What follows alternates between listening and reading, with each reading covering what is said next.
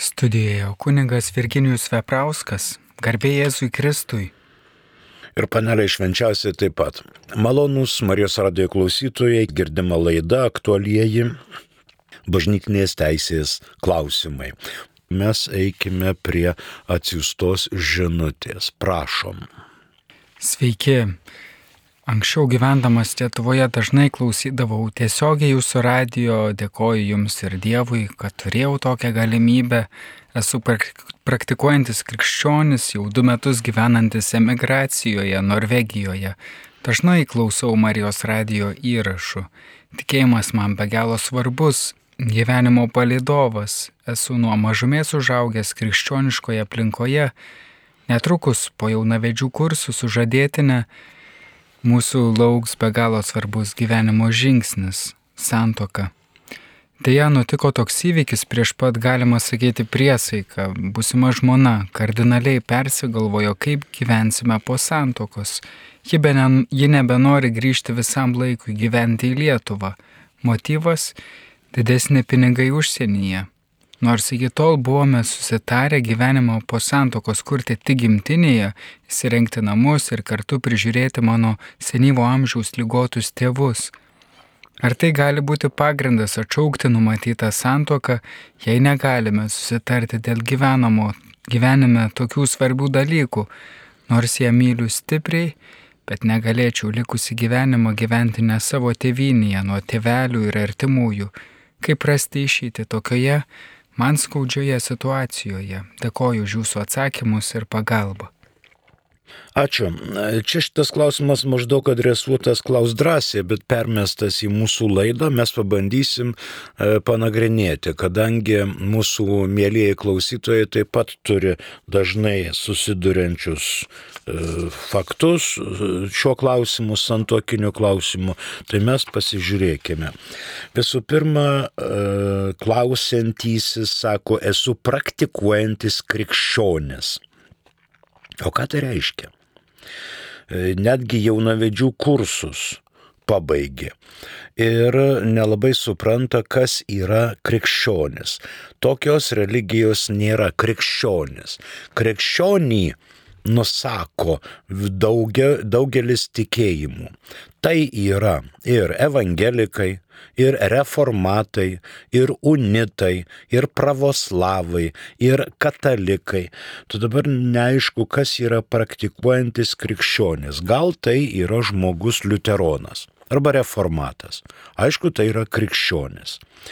Dabar kitas dalykas, pagal katalikų mokslą Tai vienas iš santokos tikslų negali būti senyvų tėvų arba ligotų tėvų prižiūrėjimas.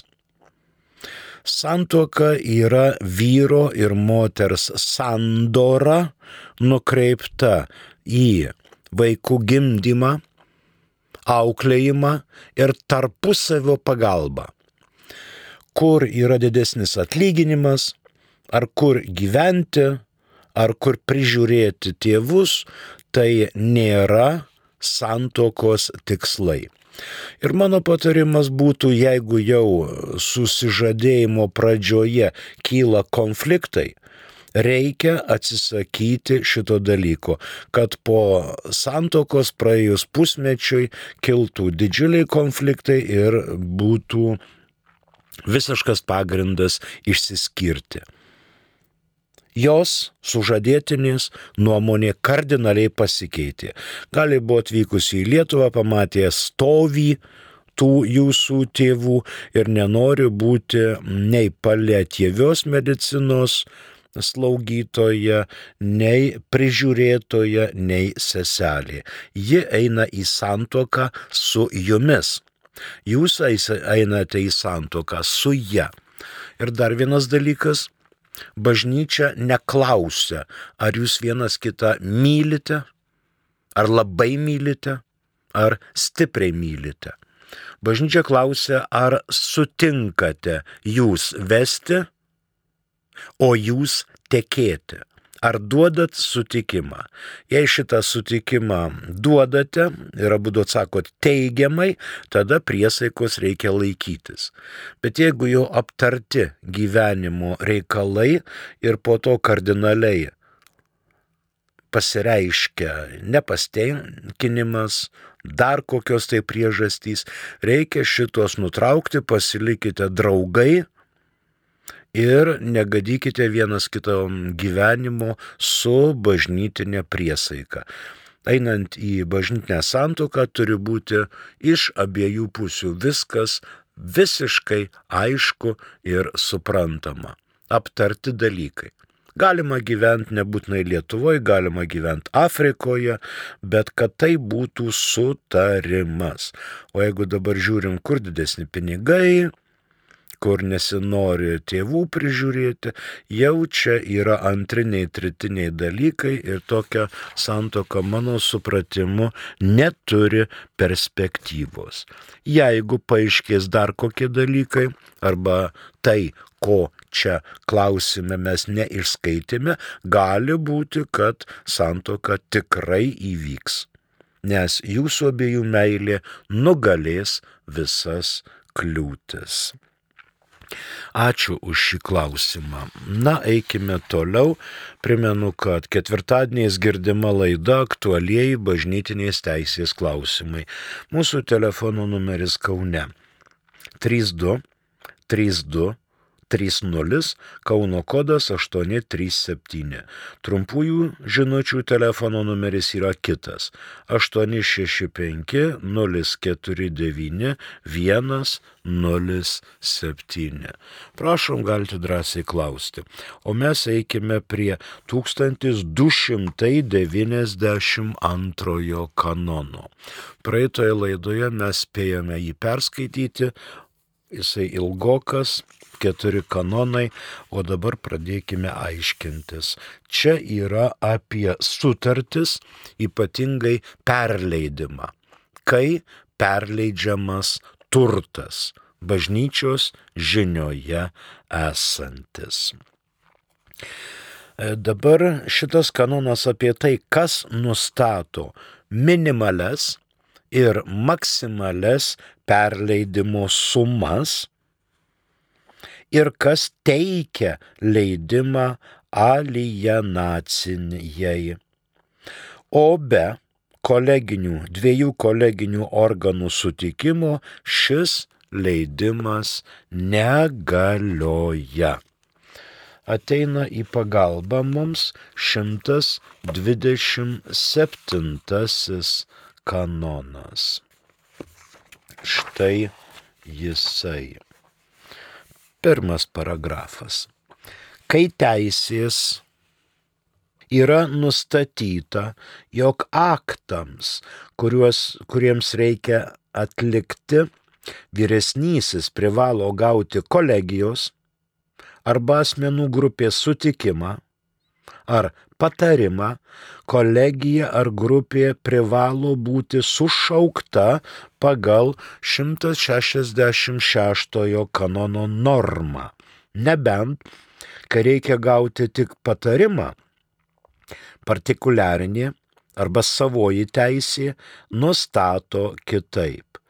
Tačiau, kad aktas galiotų, reikia absoliučios dalyvaujančiųjų daugumos sutikimo arba kad būtų išklausyti visų patarimai.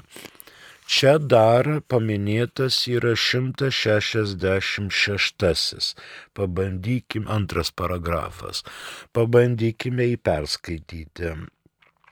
Jei kas nors iš kviestinių asmenų būtų praleistas, ir todėl nedalyvautų rinkimai galioja.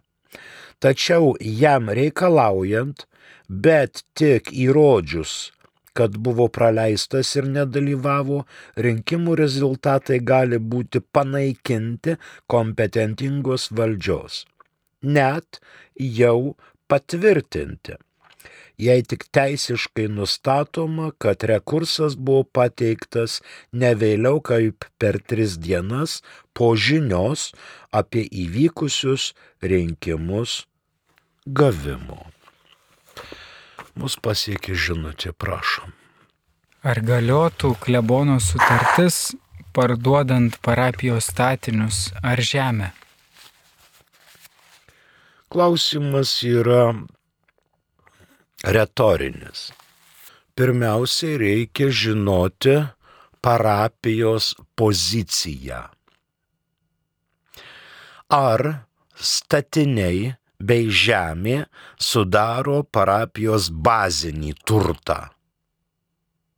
Jeigu taip, klebono sutartis parduodant parapijos statinius ar žemę negaliotų Dabar reikia, aišku, ekspertų, kurie įvertintų statinių ir žemės kainą. Dviejų nepriklausomų ekspertų. Tai aišku, turi būti grupė ekspertų. Grupė ekspertų A ir grupė ekspertų B. Ir negalima parduoti statinių ar žemės kurie būtų žemesni už ekspertų įvertintą kainą. Jeigu statiniai ar žemė sudaro parapijos bazinį turtą, klebonas kreipiasi į ekonominių reikalų tarybą viskupijoje ir į konsultorių tarybą. Ir gauna vyskupui vadovaujant pritarimą. Jeigu pritarimo nėra, vykdyti sutarčių klebonas negali. Nes negavus pritarimų šių dviejų organų, sutartys negalioja pagal bažnytinę teisę. Pagal civilinę teisę tai ten taip pat turi būti akcininkų susirinkimai ir protokolai ir taip toliau ir taip panašiai. Bet pagal bažnytinį reikalą sutartis tokia negaliojanti. Ir, kaip minėta, turi būti atsiklausiama ekonominių reikalų tarybos ir konsultorių tarybos. Kunigų tarybos nepakanka, sielovadinės tarybos neka, nepakanka, pastoracinių ten kokių tai grupelių patarimų irgi nepakanka. Taip kad klebonas gali rūpintis tais dalykais ir privalo, bet jis dar turi paruošti dokumentus, kad atsispindėtų viskas. Ar žemė yra daloma, ar pastatas yra dalomas, dalus, gal prieš 15 metų jau yra dalis parduota. Tai žinoma, papkutė suruošia dokumentų, kad pristatytų ekonominiai tarybai ir konsultorių tarybai ir pateiktų visą išsame informaciją ir žinoma, jisai dalyvaus posėdžiuose ir pateiks savo mintį bei atsakys į rūpimus klausimus. Dar turime žinutę, prašom. Rozita parašė, garbėzui Kristui, mhm. Krikšto dukra norėtų sudaryti santoką su musulmonu. Jau gyvena santokoje sudarytoje mečetėje, jis labai ligonis.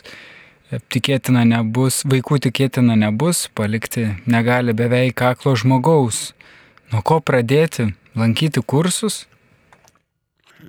Kodėl jūs galvojate, kad reikia lankyti jau kursus?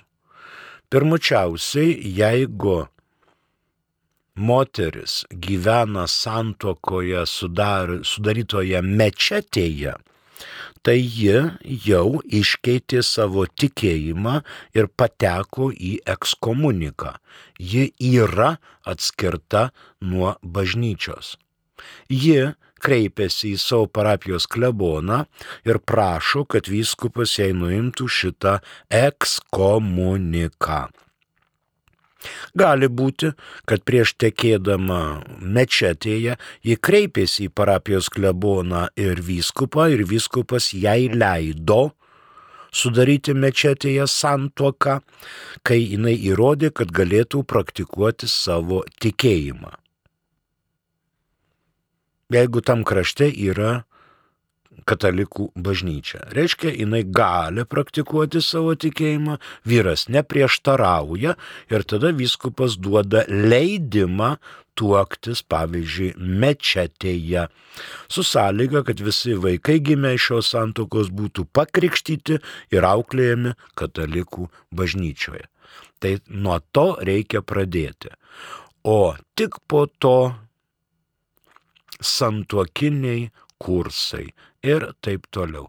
Jums smulkiau galėtų paaiškinti vietos klebonas toje vietoje, kur jūs gyvenate.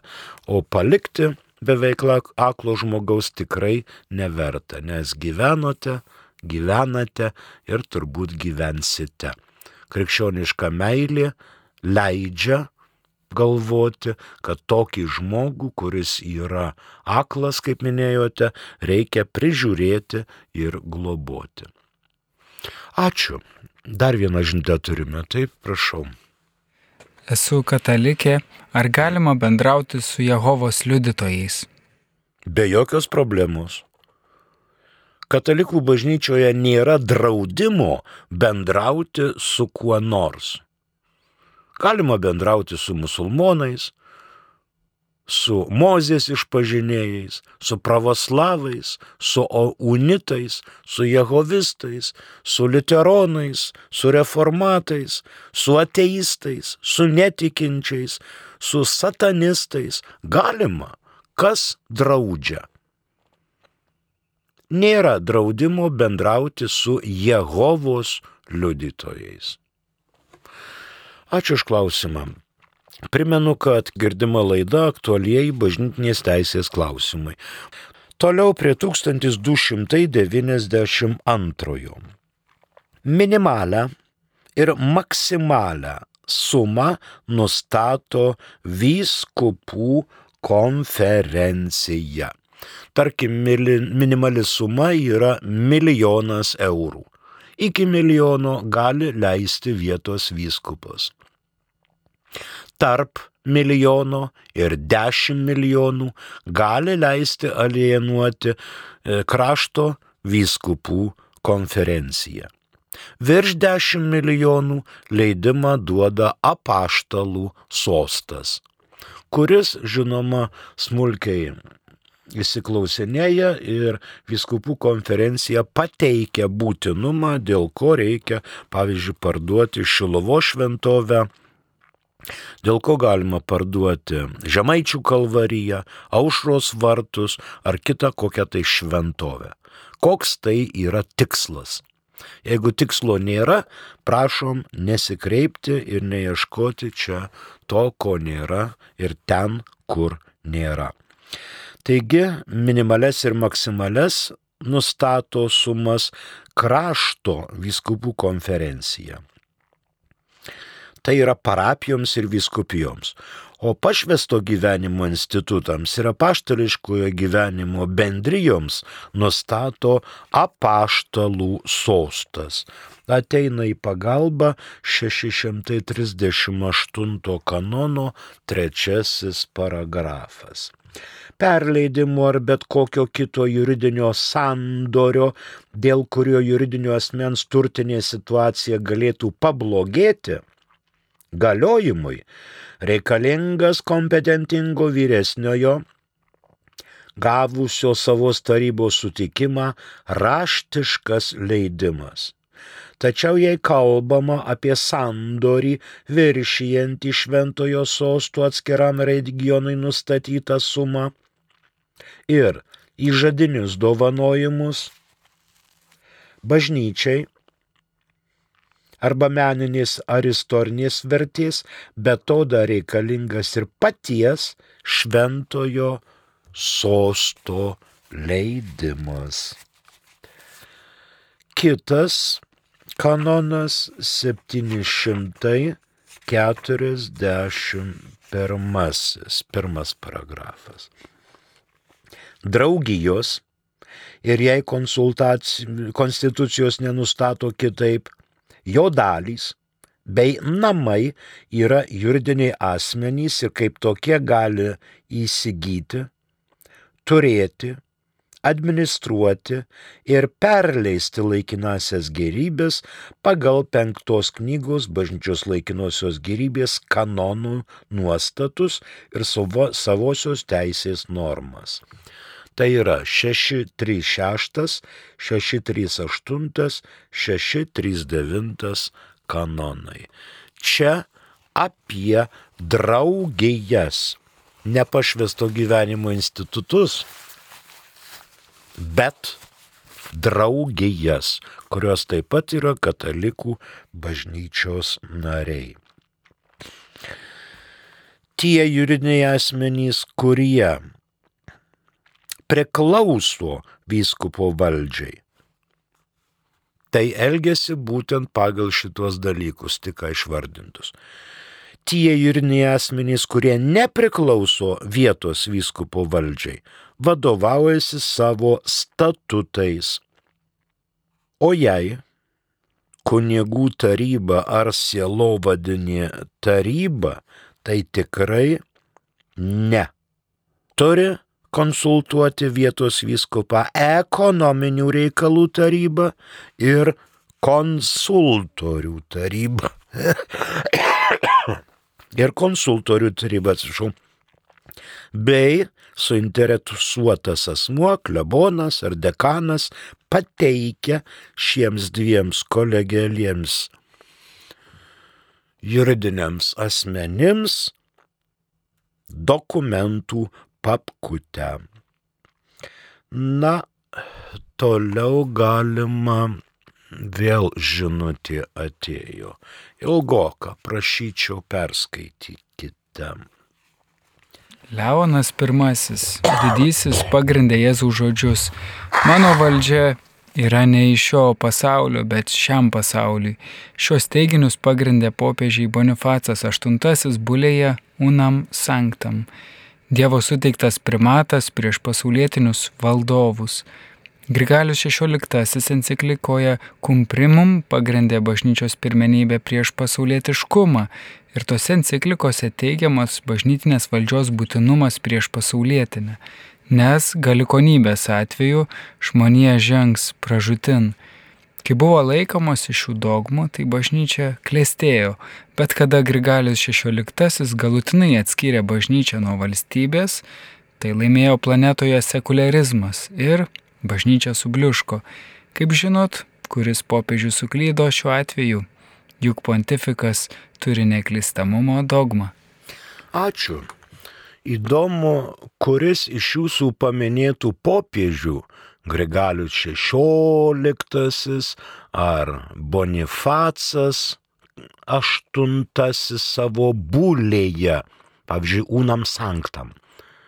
Tai nėra dogma. Tai yra popiežiaus būlė. Parašyta, ko gero, motu proprio forma.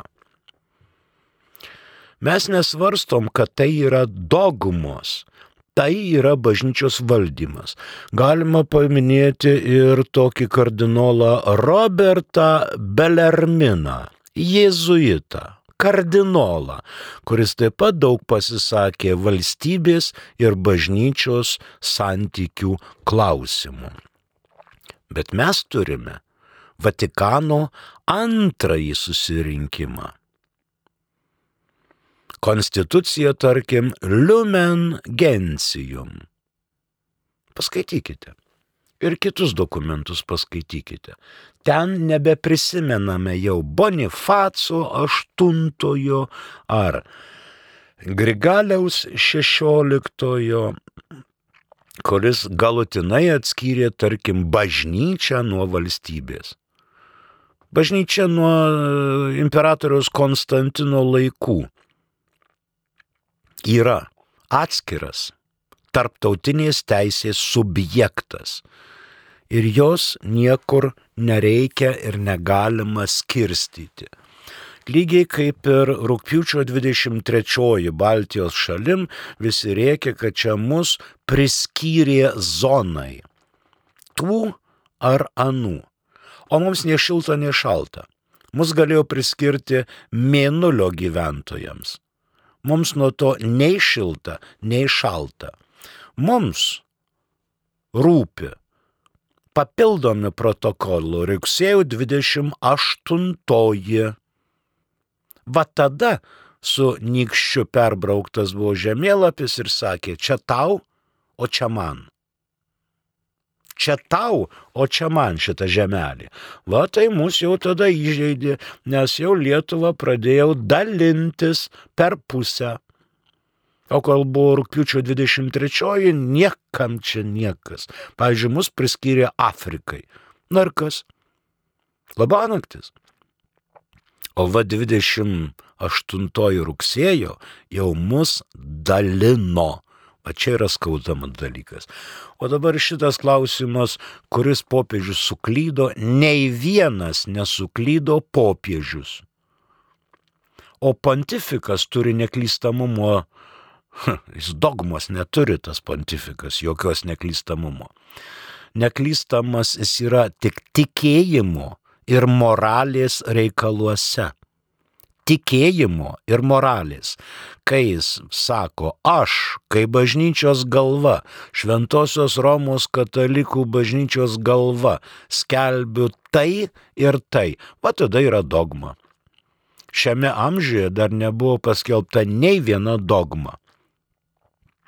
Ir popiežius nėra tas, kuris ten iš balkonėlio vien tik tai urbi et orbi palaiminimą teikia, ar viešpaties angelas, kai kalba kartu su tikinčiaisiais, bet popiežius dar rašo dešimtis ir šimtus dokumentų įpareigojančių bažnyčią laikytis jo nurodymų.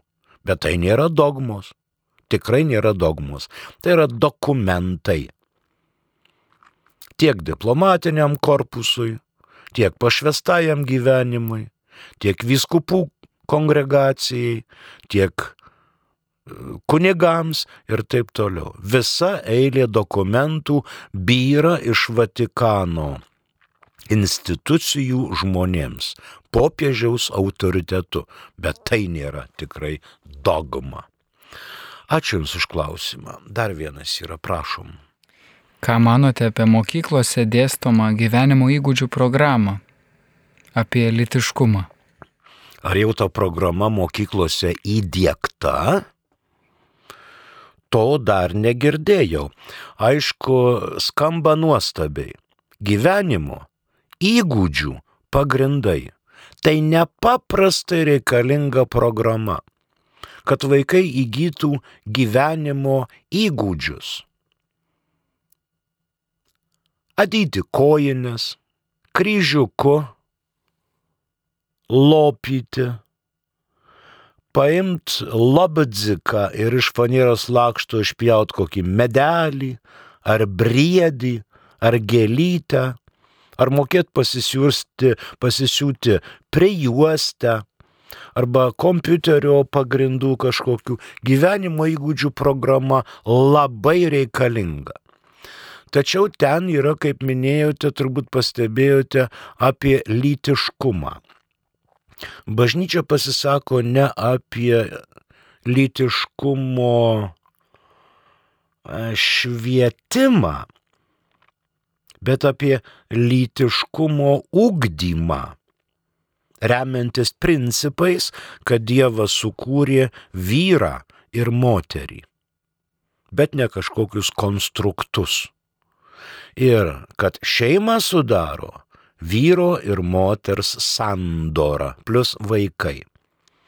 Dviejų tos pačios lyties asmenų, tiek vyrų dviejų, tiek moterų dviejų šeimoje negali kilti vaikai.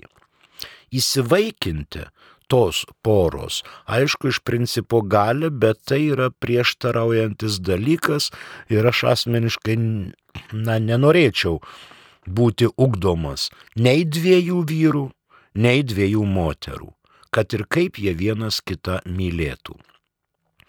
Dabar kitas toks pats klausimas, ar bažnyčia juos smerkia. Nieku būdu nesmerkia. Jokios orientacijos asmenų.